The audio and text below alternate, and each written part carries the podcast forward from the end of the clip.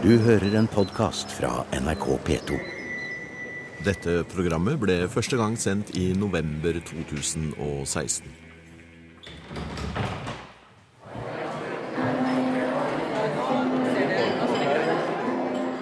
Velkommen til museum og til eftaskaffe med sitronkake på Munch-museet. Det skal ikke handle om Edvard Munch, men om oldemora hans, Kristine Storm Munch, fra Vågå i Ottadalen. En kvinne som burde studeres av fagfolk, som en har uttrykt det. Sitronkaka som serveres, er etter Kristines oppskrift. Og tenk, sitron på 1700-tallet, det var ikke for hvem som helst. Og i hvert fall ikke på bygdene. Se her, ja. Er det duftende kaker? Hva Ja, det her er sitronkaker fra, eh, fra en av oppskriftene som eh, Kristine Storm Munch hadde i boka. I sin, I sin håndtegnede kokebok. Hun hadde en haug, altså. Hun hadde en sju forskjellige oppskrifter iallfall i den boka, som jeg vet eh, ut fra det vi har telt sammen. Og dette her er en av dem. Og det, den her bruker vi på Gammelkleppe gardshotell i Vågå som en del av vår meny. Og den skal vi få smake på her i dag. Jeg er da Ingunn Munch Lindvik. Eh, Jeg er eh, den eneste fra familien Munch som bor i Vågå. Og jeg er eh, turistvert på Gammekleppe gardshotell. Hvordan er ditt slektskapsforhold da til Han er min tipp-tipp-oldefar, så jeg er jo to generasjoner bak Edvard, da, her. i dette. Ingunn Munch Lindvik må virkelig stå på for å få skåret nok eh, kakestykker til alle som strømmer inn i Munch-museet for å høre om den rykende ferske boka, som er den egentlige hovedretten i denne eftaskaffen. Gode krefter har nemlig arbeida intenst for å gi ut en bok om prestefrue Kristine, inkludert hennes egen oppskriftsbok. Vi skal eh, bli litt mer kjent med denne kvinnen utover i programmet. Og vi skal en snarvisitt til prestegården Ullinsvin, der hun hørte til, og hvor også initiativtaker og medforfatter Unn Båstad vokste opp. Som en bonus skal vi også få et lite stykke musikkhistorie. Det er multimusikeren Tom Willy Rustad som stemmer sin sister i bakgrunnen.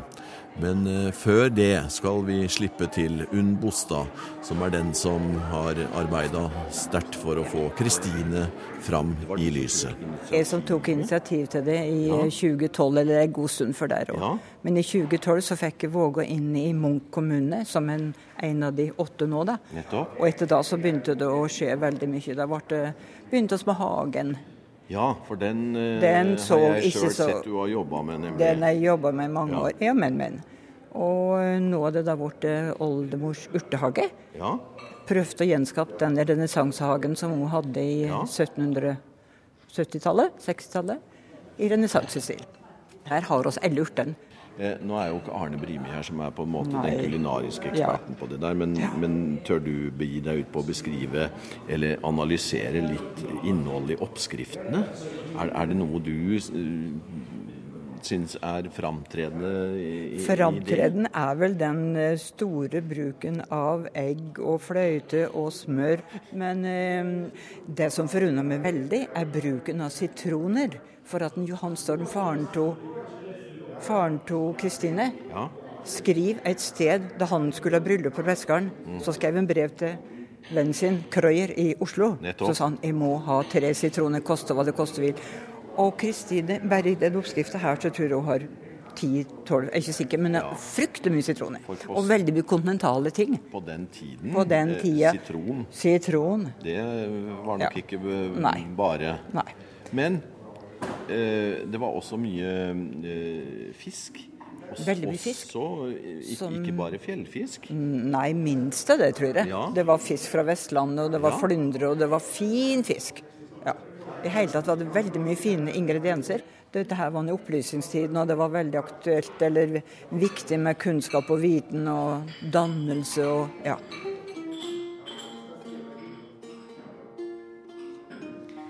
Torsken vaskes og tørkes i et klede. Dernest skjæres den opp i ryggen, og skinnet flås deretter av, så hodet og rumpen henger ved. Hodet må være helt. Så skal den deretter skrapes og støtes til den blir seig, med litt pepper, ingefær, muskatblomme, et stykke koldt smør som en valnøtt, en tallerken finhakket nyretalg og to skiver hvetebrød eller kavring som bløtes i floden. Fire av seks egg, litt sjalottløk, og så fylles denne massen i kjøttet og sys igjen i ryggen. Den skal stekes i stekepanne med sakte ild. Brun kraftsuppe må tilhaves til torsken, med fiskeboller i av samme sort. Dette var en liten eh, oversatt smaksprøve på en av Kristines oppskrifter i den nye boka. Det var torsk at fylle, eller fylt torsk, som vi ville si i dag. Tittelen på boka er Kristine Storm Munch og Hennar kokebok, og den har mange oppskrifter i mange sjangre. Medforfatter Arne Brimi skriver slik i forordet til de Kristine-inspirerte oppskriftene han bidrar med. Vi har fått ein skatt og eit handavtrykk fra ei aktiv og bevisst dame som levde for lenge sidan. Men nå tilbake til Unn Bostad. Det er nemlig ikke for ingenting at hun har engasjert seg så sterkt for Kristine. Ullensvin, en av de eldste prestegarnene i hele landet. Ja. Der Og du har var, bodd der? jeg har bodd der og vokst opp der og konfirmert og gifta meg der, akkurat som oldemor Kristine og søsteren og Gisken, som ble bestemor til Ole Bull. Begge de to hadde bryllup i Tude og inne i prestegard inne i Ullensvin. Og det hadde jeg òg. Eller også. Ja. Da må en si nesten på matspråket du er sausa inn i det her, du. Jeg er det, og det føles det òg. Jeg har henne helt sånn integrert inni meg nå. Ja. Jeg jobba mye med henne i mange år. Kan du fortelle litt om henne? Ja, hun var en veldig allsidig kvinne. Veldig eh, kunnskapsrik. Veldig, eh, hun hadde mange, mange interesser. Hun hadde botanikk, hun hadde mote. Ja, du har ikke sett, men hun hadde de hattene som hun sydde sjøl. Broren hennes, en Edvard Sorm, han bodde i København, studerte teologi. Han skrev mange hyggelige, gode brev til søster Kristine. Og så sier han et sted Jeg hører at Vågå-jomfruene lever opp til din edle kunst. Og han sendte moteblad, han sendte matblad, han sendte veldig mye sånn kontinentale ting til Kristine. Hun var et levemenneske, da, eller? Hun var et levemenneske som jeg, jeg har tenkt så ofte ordet Jeg tror hun var framelska av mannen sin. Vet du hva mannen hennes sier? Du er en pryd for ditt kjønn. Tenk å ha det fra mannen sin. Og han Peder Ådnes som malte Kristine, han sier jeg har aldri hatt morsommere modell i mitt liv. Så hun fikk veldig mye sånn eh, Og tenk på bygdefolket, da. Det var, den gangen var det sju til tolv leger i landet. Og Kristin hun lega da med urtene sine, bygdefolket. Og tilreisende, sikkert. En, jeg vil tro at hun var en enestående fastlege. Ja. Og, og den gangen da var det dannelse og allsidighet og, som sto i sentrum. Det var nå en opplysningstiden. Og Kristine var veldig veldig mange interesser. Blant annet så hadde astrologi. Hun lå på gulvet i peisestua og tegna stjernebilder med kritt. Ja. Og når hun sang i kirka, så sang hun så vakkert at folk satt og tørka tårer og gråt. Hun var et eh, veldig spesielt menneske. Og eh, i kista etter mor og far, så fant jeg to artikler som var veldig artige for meg i forhold til Kristine. Og Det ene var fra Irma Gran, hun var journalist i Aftenposten 1930. Der skriver hun bestemor Kristine, bestemor til P.A. Munch, og oldemor til kunstneren Edvard Munch, var en viktig og sentral podekvist på denne slekts stamtre. Ja. Og så fant jeg et brev i kista òg, som en far hadde fått fra Inge Munch, søster til kunstneren, der det står 'Kjære prost, kjære sakteprest Sjåstad'. Eh, oldemor Kristine Storm Munch er en merkelig dame. Jeg syns hun burde studeres av fagfolk. Når jeg kommer hjem igjen, hun var på et rekonvalessenthjem, søstera. Da jeg kommer hjem igjen, skal jeg sende deg alle brevene fra min bror Edvard Munch. Og da tenkte jeg guri malla skal se alle brevene fra Edvard Munch i siste, men det var det ikke. Nå skal vi en snarvisitt til prestegården Ullinsvin i Vågå, der Kristine levde store deler av sitt liv. For for snart to og et halvt år siden var museum i Ottadalen, hvor vi lagde program om de fantastiske vanningssystemene fra høyfjellet og ned i den tørre dalen. Vassveiter, som de sier der oppe. Det var lokalhistorikeren Ivar Teigum som var eksperten i det programmet. Da traff vi Unn Bostad, som jobbet iherdig i Prestegårdshagen, hvor hun bl.a. fortalte om bokplanene. Og etter det ble Teigum også bidragsyter til boka. Var det ikke fint? Vågåjenten sin fjellhage. Ja, for det, var, det er ikke borte så mye ennå, men det skal bli det. Her er det, da skal det bli Det var yndlingsplompen til Hanna og Tekla. Det var Viangvang, eller fjelldronning. Og så er det mogop, eller gjærplomme. Og så er det maiblomme. Og så skal det bli isoleie. Og denne her er fra Hågan til Tekla. Å, I, det, ja. ja. Den er fått fra dem. ja. Så dere jobber her nå med å utvikle denne flotte Ja, nå hagen på tredje sommeren også er her. Ja. Det er et fantastisk sted. ja, det blir veldig, veldig, veldig bra. Ja, det blir veldig bra. Nå holder vi på med urtehagen. da. Den skal bli ferdig til august. Ja. Men her er det da bare, nesten bare historiske roser. Og en historisk rose den skal være fra før 1870. ja. Så nå får oss hagen, hele Hågan godkjent som uh, historisk hage. Og nå er det urtehagen der nede Nå er det urtehagen med. med urter som Kristine Storm Munch hadde i 1780-åra, 1770, da hun bodde her og var, var oldemora til Edvard Munch. Og de bodde her, da var prestefolk her. Og hun har òg laga ei kokebok som er på Maihaugen og Statsarkivet på Hamar. Og den får oss nå transkribert til forståelig norsk, og det skal bli en kokebok i hop med Arne Brimi og litt flere som skal stå ei kulturhistorisk kokebok som skal bli veldig spennende. Med urter som eh, Kristine lagde. da. Og der er mye oppskrifter på kirsebærvin. Og så har hun veldig mye oppskrifter på gamle farger. Hvordan lage rødfarge, blåfarge, gulfarge. Veldig mye spennende. Så dette holder på med på ja. Så det blir veldig bra. Og så skal vi få benker nede i urtehagen der som blir fint. Og så skal vi holde på å få lage benker opp på verandaen med litt bord. Vet du, Det begynte å bli så mye folk her. ja, jeg tenker det. I går var alle lærerne her Ja. på planleggingsdag og satt rundt på plen. Ja, Og i går kveld oss helt på. Plutselig kom det fullt med ungdommer som var litt sånn småkjærester og sitter her og spiller boccia og legger seg på Ja. plenen. Og så hyggelig! Ja, klart. På historisk grunn. På historisk grunn. Ja. For her Så du har bodd i prestegården her, du? Så altså? bodde mor og far var her i 32 år. De kom hit i 1939 fra nordfra. Så her har vi vokst opp, og jeg var minst av fire søsken. Ja. Og oldemor Kristine, tenk på det, du. Ja, han nevnte nettopp for meg Storm, skjønner du. Og så, Ja. og så fortsetter jo du For han Johan Storm han hadde øh, fire eller fem, fem unger, og tre av dem ble ganske kjente. Han var Edvard Storm, og så hadde han to døtre. Den ene ble da oldemor til Ole Bull, og den andre ble Nei, ene ble bestemor til Ole Bull, og den andre ble oldemor til Edvard Munch. De to søstrene der. Så Ole Bull er akkurat samme holde til dette her. Så nå skal vi lage konserter med Ole Bull-musikk og ja. Det var en veldig stor glede og ære for meg på vegne av Munchmuseet å ønske hjertelig velkommen til eh, denne store begivenheten.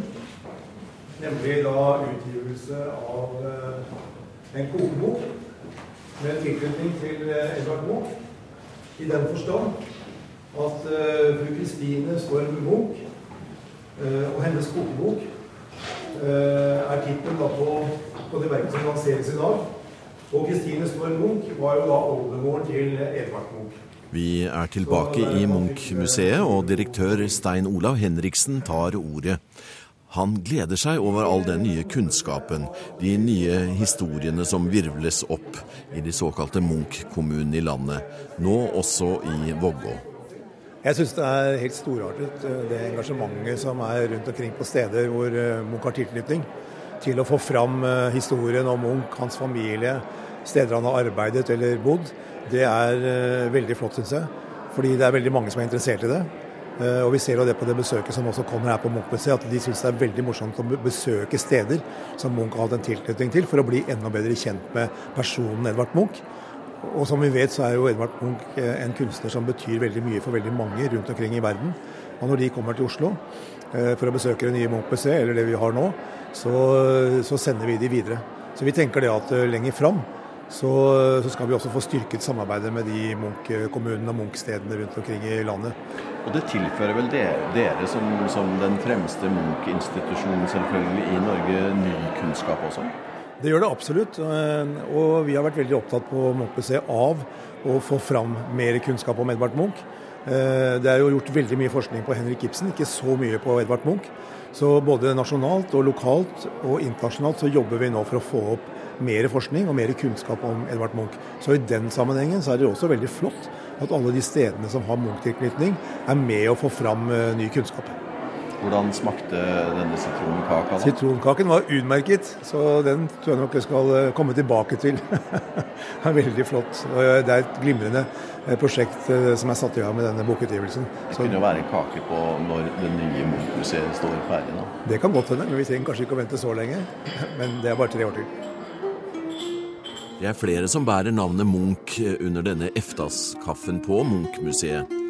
For i boka som presenteres, er Johan Storm Munch den som har holdt styr på familierelasjonene. Min tipp-tipp-oldemor var Kristine Storm Munch.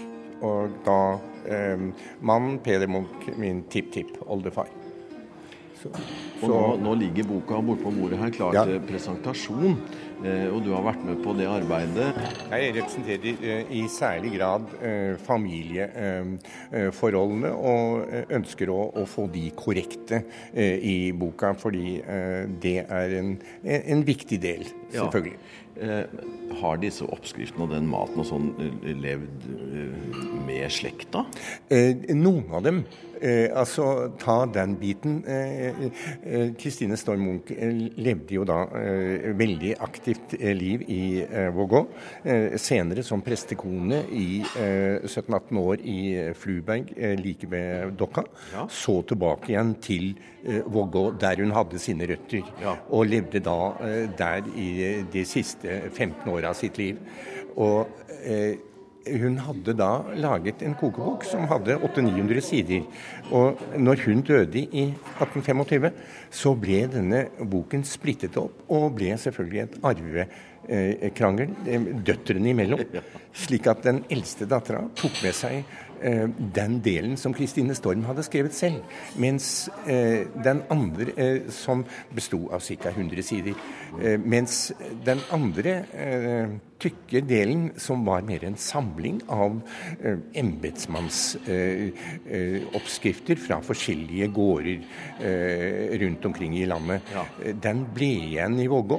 Og eh, den første delen den kom til eh, Eh, til eh, Statsarkivet på Hamar eh, via en, en gave fra en familiemedlem. Nettopp. Mens den andre delen ble solgt på en auksjon på Lesja ja. i 1923. Ja. og av en det var en professor som het Sommerfelt som kjøpte den, og han leverte den til Maihaugen. Så den befinner seg der. Så den har vært spredt for alle vinder, ja, så dere har måttet først samle materialet? da? Ja, vi har samlet, men uh, vi har konsentrert oss om den delen som, uh, som Kristine Storm egenhendig skrev. Og det er den uh, første delen. Så derfra er alle disse oppskriftene som vi har i denne kulturhistoriske boka her, den, de, de stammer fra Hamar.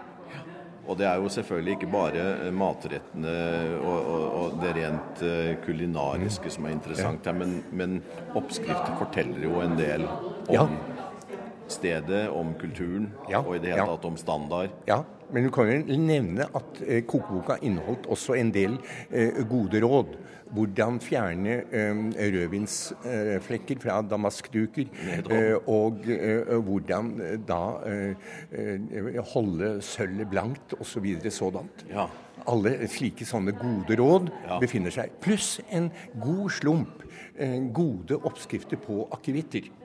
Ja vel. Ja. Hvordan man skal krydre ja, hvordan spriten? Man skal, ja, hvordan man skal krydre spriten eh, for å få det velsmakende ja. eh, i høye glass. Er det gjort noen forsøk på det? Ja da, ja da. Vi eh, eksperimenterer med det, og eh, vil komme ut med eh, en del eh, eksemplarer på det som min datter i Vågå og, og, hennes mann driver. De, har jo, de kommer til å lage et brennevinsbrenneri der oppe. Så, og da er det Kristine Storms oppskrifter som kommer til å slå til. ja da. Så liksom hele bredden av hva som kunne komme fra kjøkkenet og som var spiselig, befinner seg i denne boken. Her er jo dekka med denne berømte sitronkaka som vi skal få smake på. Her har vi um, da um, vår variant av sitronkaka, som er, um, vi har plassert da på kakefatet til Kristine Storm. Hvor, hun da, hvor hun, uh, vi har dratt frem det blanke sølvet som hun selv hadde. Og det er hennes gamle uh, kakespa. Et vakkert fat med gull. Med gull, gull litt, ja. Eh, det har vært hel, helgull, som er rimelig slitt av århundrenes ja.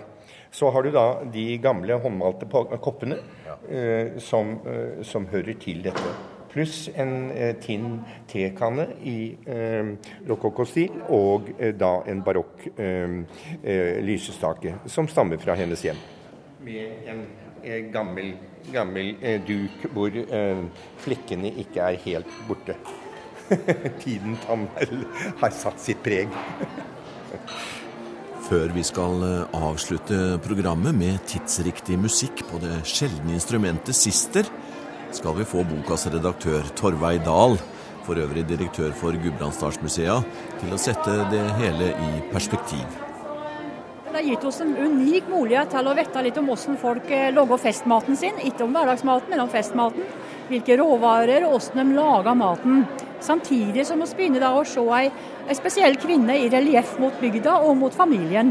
Eksepsjonell dame. Men ei, eh, ei kvinne av opplysningstida. Men har det vært kunnskap som har vært kjent for, for området? Nei. Noen få har kjent til henne, men, med denne boka så har vi skrevet fram veldig mye ny historie og satt det i en sammenheng. Og prøvd med de forskjellige forfatterne å liksom sette litt slik i perspektiv det er, det er, jo nesten litt rart. Så mye som er saumfart i, i daler og kryker og kroker. Og, så, og, så, dukker det opp plutselig nye navn. Men du vet veldig ofte når en fokuserer på dalførene våre og på Bygde-Norge, så er det liksom rundgraut og liksom den klassiske buna og, og, slike ting. Men så har òg hatt en annen tradisjon som har levd parallelt med den. Og det er det som er spesielt med denne boka, som har greid å få fram kvinner i bygda på den måten der. Og hun har inspirert veldig mange andre både samtidig altså andre kondisjonerte, men ikke ja. minst av folk i bygda. Kjerringene i bygda har fått oppskrifter og fått tilgang til hennes kunnskap om urter og legende urter og slikt noe. Og det har òg vært veldig givende å, å, å, sette fokus på. Altså. altså. Det som er spesielt med Sister, det er at uh, hadde det ikke vært for hardingfela, så kunne det her på mange måter ha vært eh, litt flåsete sagt, men det kunne ha vært Norges nasjonale instrument. Fordi at eh, i Halden på 1700-tallet så var det en, eh, en sistermaker som heter Amund Hansen.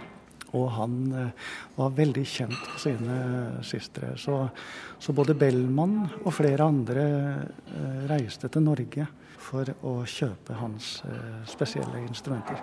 Så de fleste av de instrumentene som fins, er laga av han. da. Kan du bare beskrive det? Det ser jo ut som en Jeg vet nesten ikke Du kan ja. tenke kanskje litt mandolin? Eller? Ja, den er jo litt som mandolin fordi det er doble strenger. I hvert fall på de fire ja. på de fire nederste, og så er de enkle på de to dypeste. Så det er til sammen eh, fire doble og to enkle, så det er ti strenger.